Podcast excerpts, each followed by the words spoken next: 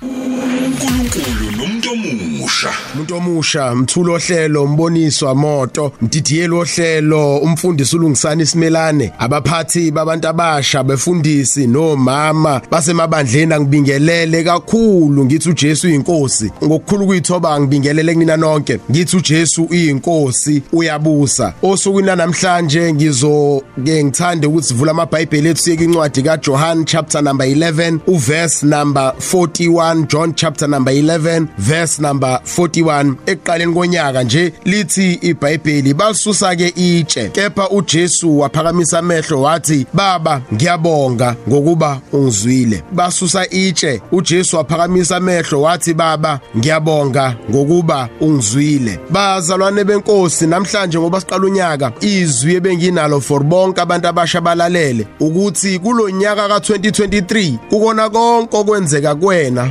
kukona konke osazobhekana nakho kukodwa ngifuna ukukhumbule nengifuna ukwazi ukuthi uNkulunkulu uma ukhuleka naye unguNkulunkulu ozwayo and unguNkulunkulu olalelayo. Kwincwadi esifunde namhlanje esebhayibhelini yenye yemangaliso ezenziwa uJesu ezinye zokugcina zenza towards the end of impilo yakhe phambi kwethuna lika Lazaro la usuke semila esezama ukukhombisa khona wonke umuntu obukayo ukuthi impela unguNkulunkulu onamandla and yebo indodana kaNkulunkulu. And now indlela uJesu afuna ukusikhombisa ngayo amandla akhe. Wafika njengomuntu abantu bebeyitshela uselate but uma efika wafika ngesizathu sokuthi wayefuna ukubakhombisa ukuthi uyena osana osenamandla unegunya ngaphezulu kokufa unamandla negunya phezulu kwethuna imbala. Laba babekhona uMary noMartha uma bembona efika uJesu babembuka bathi Jesu hey waze walate. Khumbula ukuthi le ndaba esifunda indaba kaLazaro lalithi khona iBhayibheli uMartha noMary bayakuyena bathi Jesu umuntu lo omthanda kakhulu Lazaro usefile. And then lithi iBhayibheli in fact bamtshela ukuthi umuntu omthandayo Lazaro usagula uyagula. Uma uJesu yakhona wafika la sebeyitshela khona sekuphelile ngaye sefile bamngcwaba. Uma efika ufika la bonke sebelahle khona ithemba sebeyitshela sekuphelile. Yena uJesu ufika la sebeyitshela isikhathi asisekho khona to show them ukuthi ngokwewash lethu sina singayitshela ukuthi sekulate kodwa yena unguNkulunkulu ohlezi on time. Abantu bake bayitshela ukuthi sebeqedile ngawe. Abantu bake bayitshela ukuthi ayisekho into esazokwenzeka ngawe. Kodwa ngenxa yokuthi iwashi kaNkulunkulu newashi lomuntu alifana uJesu ufika la sebeyitshela sebeqedile athi it's not over. Elinye lamabhayibheli olinye lamavesi elisebhayibhelini engilithanda kakhulu leli laleli ngenxa yokuthi uma efika uJesu ebhekana nalesimo sikaLazaro. Akaqala abuza into eziningi ngasimbona uJesu etatazela kodwa simbone ebhekisa amehlo phezulu. Lithi iBhayibheli into yokuqala ishoyo mekhuleka uthi baba ngiyabonga ukuthi ungizwile. Yo lamagama mwalalela ukuyibuza ukuthi usho kanjani uJesu ukuthi baba ngiyabonga ukuthi ungizwile engakasho lutho? Omunye umuntu uyahlala lifunde leli vesi azama ukulalela noma uzama ukuhlehla ukuthola ukuthi yini akayisho uthola ukuthi akayikho into ayishilo. Iyona into yokuqala la ishoyo umethi baba ngiyabonga ukuthi ungizwile. Now the reason why eyisho lento kumina nawe isizathu salokho ukuthi usuke zama ukukhuluma nami nawe. Ukuthi kulonyaka ka2023 kunemkhuleko wayekhuleka uNkulunkulu ayizwa. uNkulunkulu simbona ngathi akaphenduli. Sike sitshela ukuthi sekuphelile ngathi. But i want you to know namhlanje ukuthi yebo he may take isikhathi ukuthi akuphendule but kwesinye isikhathi kumele ukubambelele ekutheni wakhuleka before wakuzwa. Kunezinto ke wamcela zona wakwenzela zona. Okusho nalento obumcela yona kulonyaka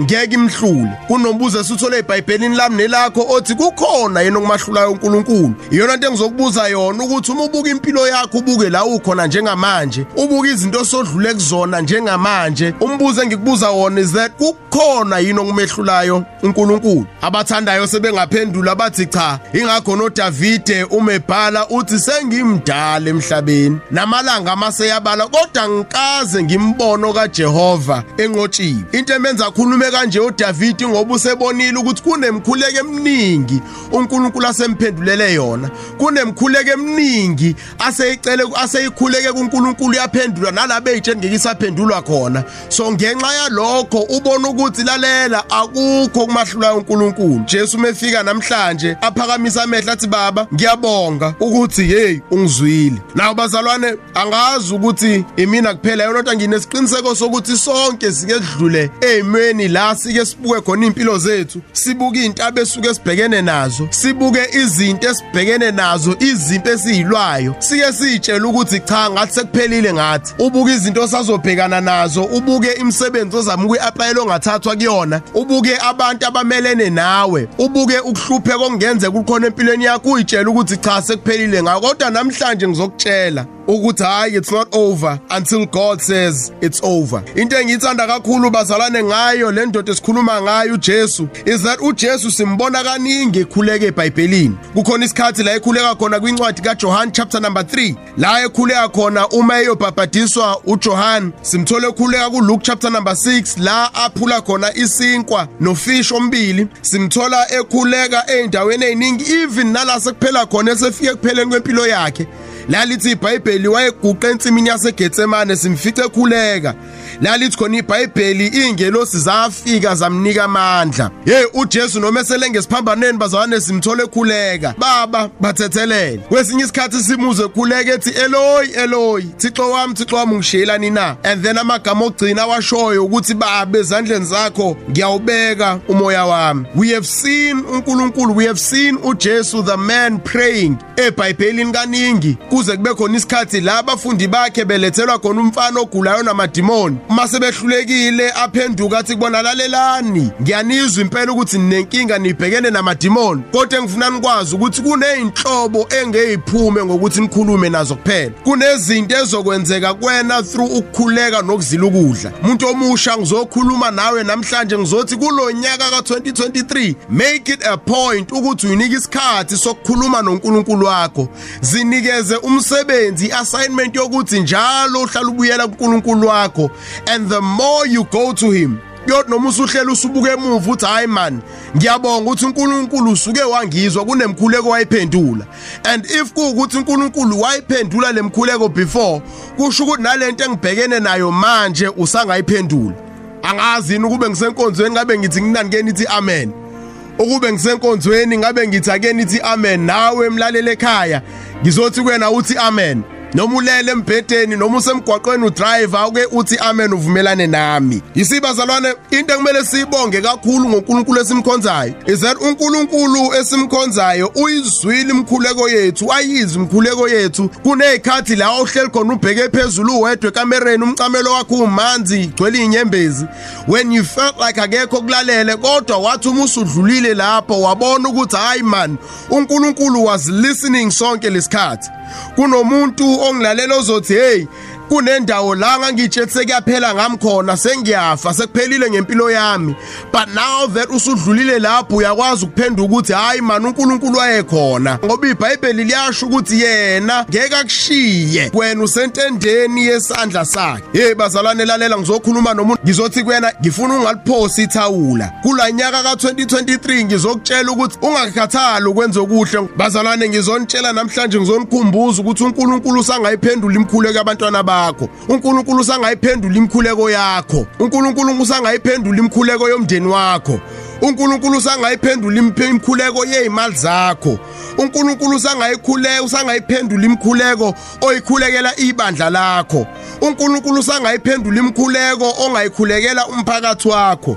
uNkulunkulu usayiphendula imkhuleko oyikhulekela ngisho nokuphila kwakho. uNkulunkulu usakwazi ukuphendula imkhuleko hey mzalwane la ukhona la ukhona hayi ngenxa yakho but la ukhona ngenxa yomkhuleko. Kwesinye isikhathi sike sibuka izinto edlula kuzona sitshela ukuthi la sikhona ngamandla ethu. Kodwa ngizokukhumbuza ukuthi awukho la ukhona ngamandla akho kodwa ula ukhona ngenxa kamandla kaNkuluNkulu. That is why uma siqhubeka nayo lencwadi kuverse number 42 uyaqhubeka uJesu athi baba ngiyabonga ukuthi ungizwile. Athi bengazi ukuthi ungizwa njalo kodwa ngenxa yalabantu abangibukayo sengicela wenze wenzele bona. Kuneminye imkhuleko uNkulunkulu ayiphendula angayiphenduleli wena. Usuke seyiphendulela ngisho nabantu abakubukayo. Ingakho uma ukhuleka kumele uthi ngelinye ilanga uNkulunkulu akuphendule lo mkhuleko uphenduke ukuphendule ukuze abantu babone ukuthi wena unamandla ngempela. Kwesinye isikhathi uNkulunkulu imkhuleka akayiphenduleli wena ngoba ungakholwa. Akayiphenduli ngoba ukholwa kakhulu noma uthandaza kakhulu kodwa uyiphendula ngenxa yegama lakhe. Angazi noma niyangizwa inithana amen lapha ekhaya. Ukuthi uNkulunkulu kunemkhuleko oyiphendula ngenxa yegama lakho. Kunabantu osebenza nabo abangakholwa. Kunabantu abasemndenini wakhe abangakholwa. Kunabantu abaozwana nabo abangakholwa. And uNkulunkulu mephendula imkhuleko yakho ukayiphendulela ukuthi bona bathi ngenxa yomkhuleko wasibanibani ngabona uNkulunkulu ukuthi ukhona ngempela. Ngifuna ungilalele namhlanje ukuthi uNkulunkulu ufuna ukubukisa ngawe. Kunegama esithole eBhayibhelini kaningi igama elithi isivivinyo i-test banner. Yo uJehova nisi your banner ngamanye amazwi uyibhanela lakho. Uma uNkulunkulu ekufaka ezilingweni usuke ngenzeli wena. Usukenzela nabantu ababukayo kube khona abayibonayo. Ini ibhanner mfundisi ibhanner ilento ibeka phezulu ukukhombisa abantu ukuthi kwenzakalani ngaphakathi. Ukufike eindaweni uma ufika eh kunenkonzo kuwe kubekwe ibhena ngaphandle ekhombisa ukuthi kwenziwani ngaphakathi. Kunamabhena uNkulunkulu awenzayo ngawe. Usuke ngenzeli wena kodwa usuke enzela ukuthi abantu ozohlangana nabo babone amandla kaNkulunkulu empilweni yakho. Kunezinto ezenzeka empilweni yakho uNkulunkulu asuke ezenzela ukukhombisa abantu amandla o amandla akhe nobukhulu bakhe through impilo yakho. Ngifuna umuntu namhlanje kusenozothi uNkulunkulu akusebenzise mina ungenza isibonelo. uNkulunkulu akungisebenzise ngibe yibhanela emndenini wami. uNkulunkulu akungisebenzise ngibe yibhanela in my community. uNkulunkulu akungisebenzise ngibe yibhanela in my church. I need a person namhlanje ozothi uNkulunkulu kukona konke ngidlula kukona. Ngifuna wena uNkulunkulu ungenza isibonelo. Kubona bonke abantu abangaziyo nabangangazi babona umuntu babona amandla nobukhulu baNkulunkulu through impilo yami. Zindaba kuthi noma usudlule ezintweni eziningi ezinzima uthi uma uyibuka izinto odlule kuzona verses ukuthi unjani njengamanje ngingabuka ungafani isizathu esenza ukuthi izinto odlule kuzona zingafani nalento abantu abayibonayo. It is because uNkulunkulu has been with you. Kunezikhathi la uke wayitshela khona ukuthi uNkulunkulu akasekho wayitshela usuwedwa. Kulonyaka ka2023 ngifuna uhambe nezwe lodwa lokuthi uNkulunkulu uyangizwa ngoba ukhona la eduze kwami. Kunomunye umuntu owabhala ngelinye ilanga wathi kunezikhathi la ngangihamba khona ngibona ngibona ngathi uNkulunkulu ukhona. Kwahamba hamba ngwayitshela ngathi sengingedwa. Ngathi uma ngilalela izigi ngangazizwa izigi zomuntu wesibili. Wathi umephendula lo wathi ngenkathi ungazizwa izigi zomuntu wesibili la uNkulunkulu ayesekuthwele khona. Kunabantu abangazazi ukuthi badlule kanjani ezintweni kodwa ngizokutshela namhlanje ukuthi udlule ngoba uNkulunkulu bekuthwele. Ingakho kunengoma esike sicule ethi sidlule ezintweni. Ezinzima. Njalo siyanqoba singabanqobile. Awunqobi ngenxa yakho unqoba ngenxa yomuntu ohamba naye. Ingakho umprofeti uElijah ngelinye ilanga waphenduka wathi inkosi akumvula amehlo khona ezobona ukuthi baningi abangakuthina kunalabo abamelene nathi. Ukuye uthi umubuka izinto odlula kuzona uyitshela ukuthi sekuphelile ngawe. Kodwa ngizokutshela namhlanje ukuthi akapheli ngawe ngenxa yomuntu ohamba naye. Yabona mzalwane wami uma ubuka impilo yakho ngineshokwa yiwena ukuyithuse. Uthuke kwayiwena uthi hey ngila kanjani? Ngifike kanjani la? Kodwa ngizokutshela ukuthi ula ukhona ngenxa ukuthi uNkulunkulu usakubambile. Ula ukhona ngenxa ukuthi usagciniwe esandleni somusa. Kwesinye isikhathi okuyishuthe emzalwane wami ukuyishuthe umuntu omusha.